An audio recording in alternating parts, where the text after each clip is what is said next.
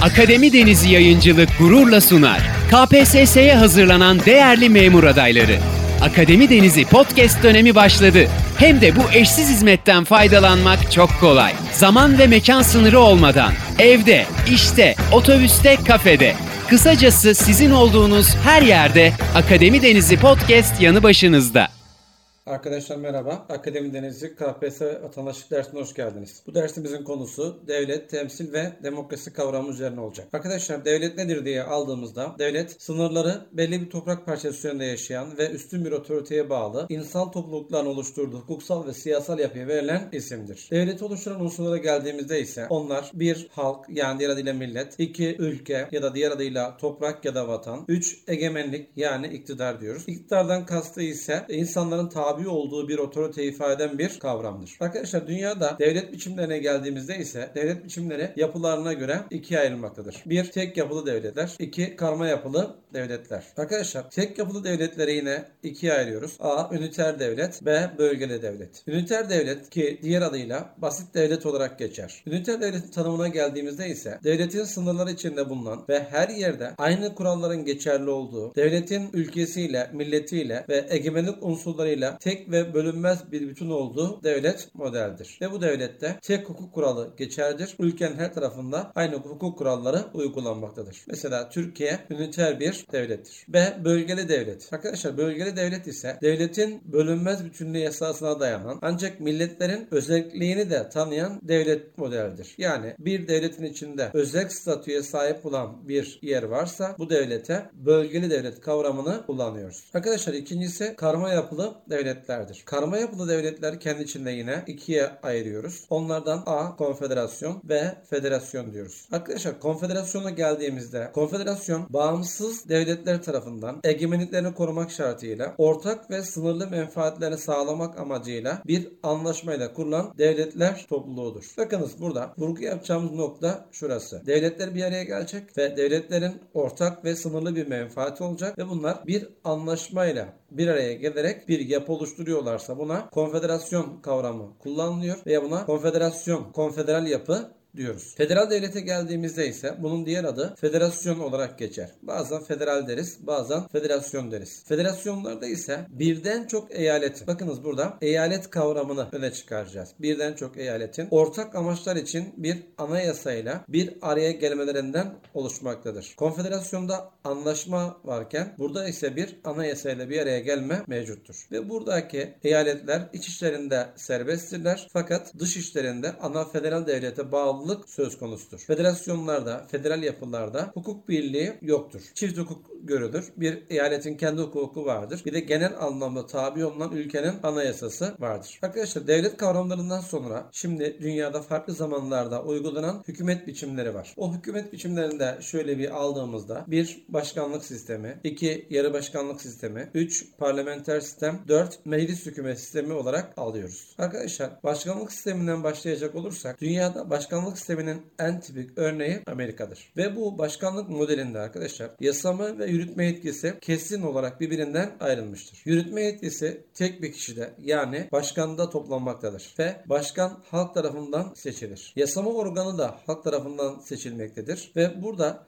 yasama yetkisi tamamen kongreye bırakılmıştır. Ve arkadaşlar bu modelin özelliği başkan yasama çalışmalarına katılamaz. Yasama ile alakalı herhangi bir yönlendirmede talimatta bulunamaz. Aynı kişi hem yürütmede hem de yasamada görev alamaz. Yani bir kişi başkanın kabinesinde bakanlık görevi, temsilciler meclisinde ya da senatoda görev alması mümkün değildir. Yürütme yasamanın yasama yürütmenin hukuki varlığına son veremez. Yani yürütme ile yasamanın birbirlerine karşı sorumlulukları yoktur. Olmadığı için de başkanlık sisteminde sert kuvvetler ayrılığı esastır. İkinci modele geldiğimizde ise ikinci model yarı başkanlık sistemidir. Yarı başkanlık sisteminin dünyadaki en tipik örneklerinden birisini Fransa oluşturmaktadır. Ve yarı başkanlık modelinde arkadaşlar Cumhurbaşkanı halk tarafından seçilir. Tıpkı başkanlıkta olduğu gibi ve parlamenter sisteme benzeyen yarı başkanlık sistemi diye tarif edilen bir modeldir. Aslında bu modele yarı parlamenter sistemde denilebilmektedir. Arkadaşlar Arkadaşlar bu yarı başkanlık modelinde yürütme iki başlı olup başkan ve hükümet arasında paylaşılır. Hükümetin başında da bir başbakan vardır. Fakat burada dikkat edeceğimiz nokta yetkilerin anayasal anlamda halk tarafından seçilmiş olan başkana ait olmazdır. Yani ülkeyi temsil eden, icracı konumda olan ve genel anlamda bilinen tanınan yapıya sahip olan kişi başkandır. Başbakan burada çok aktif bir görevde değildir. Yarı başkanlık sisteminde yürütme yasamanın yasama yürütmenin hukuki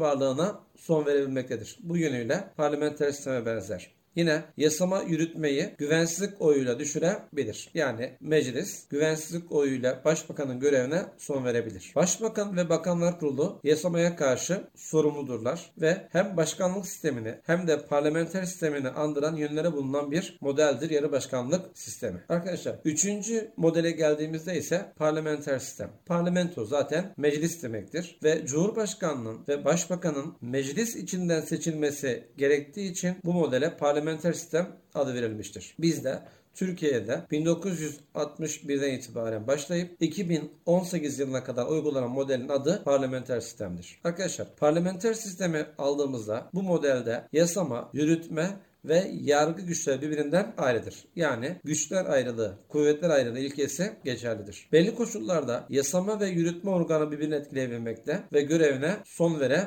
bilmektedirler. Bundan dolayı yasama ve yürütme arasında yumuşak bir ayrım vardır. Başkanlık modelindekinin aksine başkanlık modelinde sert bir ayrım söz konusu iken parlamenter modelde yumuşak bir ayrım olduğunu görmekteyiz. Parlamenter sistemde başbakanın milletvekili olması zorunludur. Yani başbakan seçilecek kişi mutlaka milletvekili olmak zorundadır. Fakat bakanlarda ise bu zorunluluk yoktur. Milletvekili seçilme yeterliliğine sahip olan herkes bakan olarak atanabilmektedir. Yasama ve yürütme birbirinden bağımsız olmakla beraber aralarında iletişim ve etkileşim vardır. Çünkü bir kişi hem yasamada hem de yürütmede görev alabilir. Yine başkanlık modelinden ayrılan bir tarafı da bu. Başkanlık modelinde hem yasamada hem yürütmede görev alınamazken parlamenter modelde bir kişi hem yasamada hem de yürütmede görev alabilmektedir. Arkadaşlar bu modelin bir diğer özelliği ise hükümetin faaliyetlerinde yasama organına karşı sorumlu olmasıdır. Yani yasama organı olan meclis gen soru marifetiyle yürütme organının görevine son verebilmektedir. Bu model bizde 1961'den 2018'e kadar uygulanan bir modeldir. Hükümet sistemlerinden dördüncüsüne geldiğimizde ise meclis hükümeti sistemi diyoruz. Meclis hükümeti sistemi de bizde 1920'den 23'e kadar uygulanan modeldir. Yani Kurtuluş Savaşı yıllarında başlayıp 1923'te Cumhuriyet'in ilanına kadar devam eden modelin adına meclis hükümeti sistemi diyoruz. Meclis hükümeti sisteminde arkadaşlar yasama ve yürütme kuvvetleri yasamada toplanmıştır. Yani güçler birliği esası vardır. Bu modelde meclis hükümet modelinde devlet başkanlığı ve başbakanlık kavramı yoktur. Meclis başkanı olan kişi aynı zamanda hükümetin başkanıdır. Yürütme organı olan hükümeti meclis denetler. Yine meclisi feshetme yetkisi yine meclisin kendisine aittir. Ondan dolayı da burada meclisin üstünlüğü esasına dayanan bir uygulama olduğu görülür. Burada yine yürütmenin görevine de meclis son verebilmektedir. Bu modelin yine öne çıkan bir özelliği aldığımızda şu. Her bakanın tek tek seçilmiş olmasıdır. Yani kabine sistemindeki gibi bakanlar topluca seçilip de Cumhurbaşkanı onayına sunulmazlar. Her bakan mecliste tek tek aday olur ve tek tek seçilir. Bundan dolayı da meclis hükümetindeki bakanlar meclise karşı bireysel anlamda sorumludurlar. Oysa parlamenter modeldeki sorumluluk bakanlar kurulu kararı olduğu için kolektif sorumluluk iken buradaki sorumluluk ise bireysel sorumluluk olarak karşımıza gelmektedir. Hükümet modellerinden sonra işleyeceğimiz konumuz egemenliğin kullanış biçimine göre demokrasi yöntemleri. Demokrasi yöntemlerini 3'e ayırıyoruz. 1. Doğrudan demokrasi. 2. Yarı doğrudan demokrasi. 3. Temsili demokrasi. Arkadaşlar doğrudan demokrasi halkın egemenliğini araya hiçbir temsilci koymadan doğrudan kendisinin kullanmasıdır. Ondan dolayı buna aracısız demokrasi diyoruz. Doğrudan demokrasi. Eski Yunan'da kullanılmış. Günümüzde İsviçre kantonlarında kullanılan bir yöntemdir. Fakat kalabalık nüfuslu ülkelerde uygulanması biraz sorunlara yol açabilmektedir. İkincisi ise yarı doğrudan demokrasi. Yani yarı doğru demokrasi diye aldığımız kavram egemenliğin kullanılmasında temsili sisteme yer verildiği halde bazı durumlarda halka da başvurulan bir modeldir. Yani yarı doğru demokrasinin halka başvurulması arasında şu yöntemlerden de faydalanılmaktadır. 1. Halk oylaması 2. Halk vetosu 3. Halk girişimi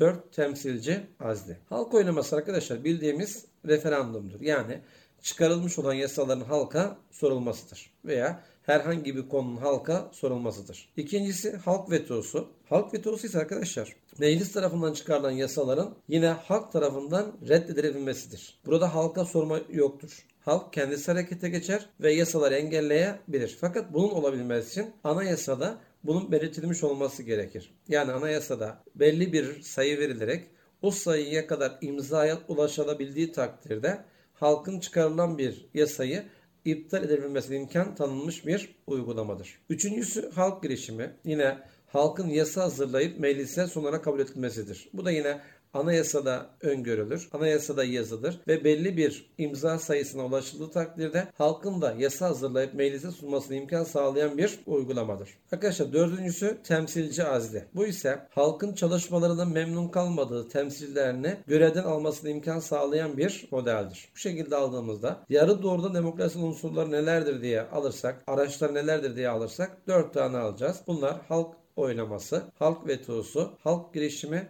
ve temsilci azli diyoruz. Anayasa türlerinde şöyle bir başlık altında alırsak bir yazılı anayasa. Yazılı anayasa arkadaşlar içinde olması düşünülecek olan konuların yetkili bir organ tarafından belirli bir belge olarak düzenlenmesine yazılı anayasa demektedir. Şu an günümüzde uygulanan yazılı en eski anayasa Amerikan anayasasıdır. İkincisi yazısız anayasa. Yazısız anayasa ise toplum içinde uzunca bir süre kesintisiz olarak tekrarlanan ve bağlayıcı olduğuna inanılan uygulamadan oluşan anayasadır. Arkadaşlar yazısız anayasaya aynı zamanda teamülü ya da geleneksel anayasa adını veriyoruz. Bugün İngiltere'nin yazılı bir anayasası yoktur. İngiltere geleneklerle, teamüllerle kanunlara yol gösteren bir ülkedir. Üçüncüsü arkadaşlar anayasalardan sert anayasa. Sert anayasa ise değiştirilemeyecek maddeleri olan ve değişebilen maddelerinin de değişmesinin zor olduğu anayasalardır. Mesela biz 1982 Anayasası'nı sert anayasa olarak alıyoruz. Çünkü bizim 1982 Anayasası'nın ilk üç maddesi değişmez, değişmez teklif dahi edilemez. Yine 1982 Anayasası'nın en son haline göre referandumlu bir anayasa değişikliği için en az 360 milletvekilinin evet oyu gerekirken bir kanunun kabulü için 151 oyu yeterlidir. Onun için de değişmez maddesi olan anayasalar veya zor değişebilen anayasalar sert anayasa olarak alıyoruz. Dördüncüsü arkadaşlar yumuşak anayasa. Bu ise değişmez maddesi olmayan ve anayasa maddelerinin de normal kanunlar gibi kolay değişebildiği anayasalardır. Bizim 1921 anayasamızda değişmez madde yoktur. Ondan dolayı da 21 Anayasası yumuşak anayasa olma özelliğine sahip. Arkadaşlar beşincisi kazuistik anayasa. Kazuistik anayasa ise geniş, ayrıntılı, detay ve uzun düzenlemeler içeren anayasalardır. Ondan dolayı kazuistik anayasaya detaycı anayasa adı da verilmektedir. Altıncısı çerçeve anayasa. Çerçeve anayasa ise sadece genel ilkeleri ortaya koyup bunların uygulama biçimlerini ve detaylarını kanunlara bırakma amacı güden anayasalardır. Yani ayrıntıya pek fazla girmeyen, ayrıntıyı uygulayıcılara daha çok kanunlara bırakan anayasa ise çerçeve anayasa adını vermekteyiz. Bizim anayasalarımızda tek çerçeve anayasamız 1921 anayasasıdır. Onun dışında 1924 anayasası, 1961 anayasası ve 1982 anayasaları kazuistik anayasa özelliği taşımaktadır. Arkadaşlar dersimiz burada sona erdi. Sonraki dersimizde görüşmek üzere. Hepinize kolaylıklar diliyorum. Bugün çıkmış olduğun memurluk sürecinde yeni şeyler öğrenerek hedefine biraz daha yaklaştın. Akademi Denizi Yayıncılık olarak her zaman yanındayız. Yeni bir derste görüşmek üzere.